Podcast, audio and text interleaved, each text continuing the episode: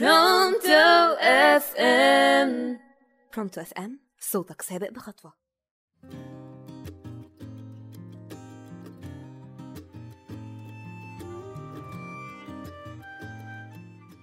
أصدقائي وأحبائي معكم منى بيومي في برنامجكم خليك فولاذي مع راديو برونتو FM النهاردة هنتكلم مع بعض عن أسرار الذهب الأسود والأبيض وإيه مكوناتها وإيه معناهم ونعرف جايين منين.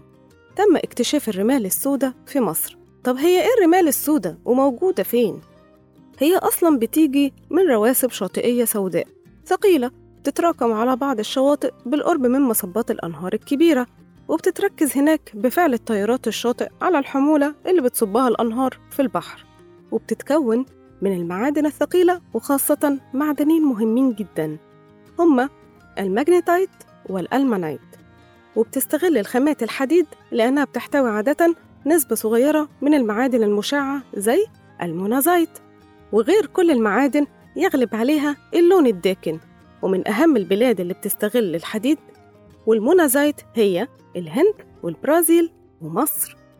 وتوجد الرمال السوداء في مصر 11 موقع على السواحل الشمالية.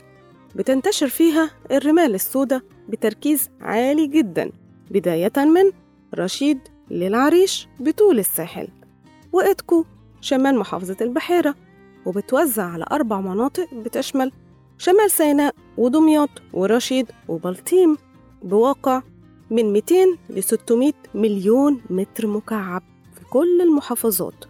وإن يتم الاستغلال كل الثروة العظيمة دي تم إنشاء الشركة المصرية للرمال السوداء لتعظيم الاستفادة الاقتصادية وتم تعاقد وشراء الكراكة الهولندية تحيا مصر.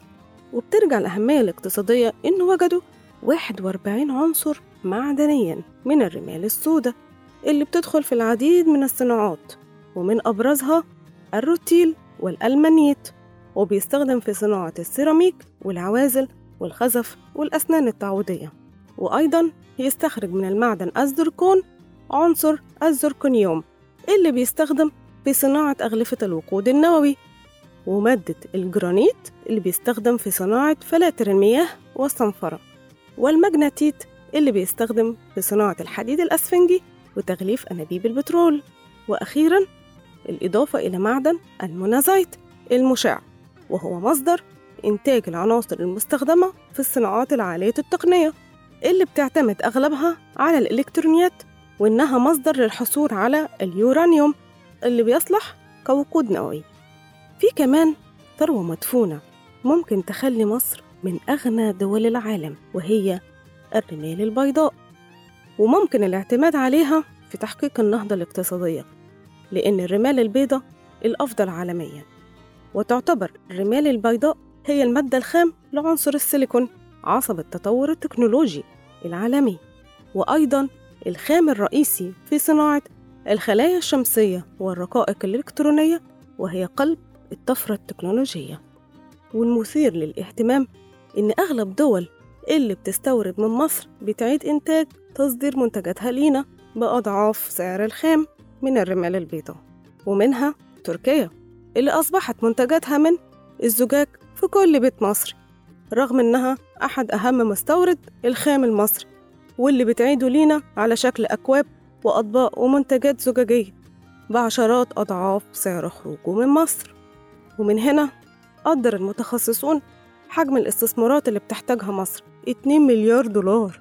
واللي تخلي مصر إحدى أغنى دول العالم بعد تصدير منتجاتها وإن تم حظر تصدير الرمال البيضاء كمادة خام خارج مصر وتم تحقيقه بالفعل سنة 2016 حيث قررت الحكومة المصرية من منع تصدير الرمال البيضاء باعتبارها ثروة قومية بناء على توصيات مجلس علماء مصر الاستشاري التابع لرئاسة الجمهورية.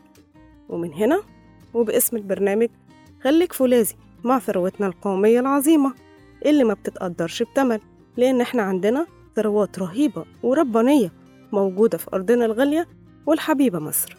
وبإذن الله أتقابل معاكم تاني في حلقات مفيدة وشيقة. كانت معكم منى بيومي وخليك فولاذي.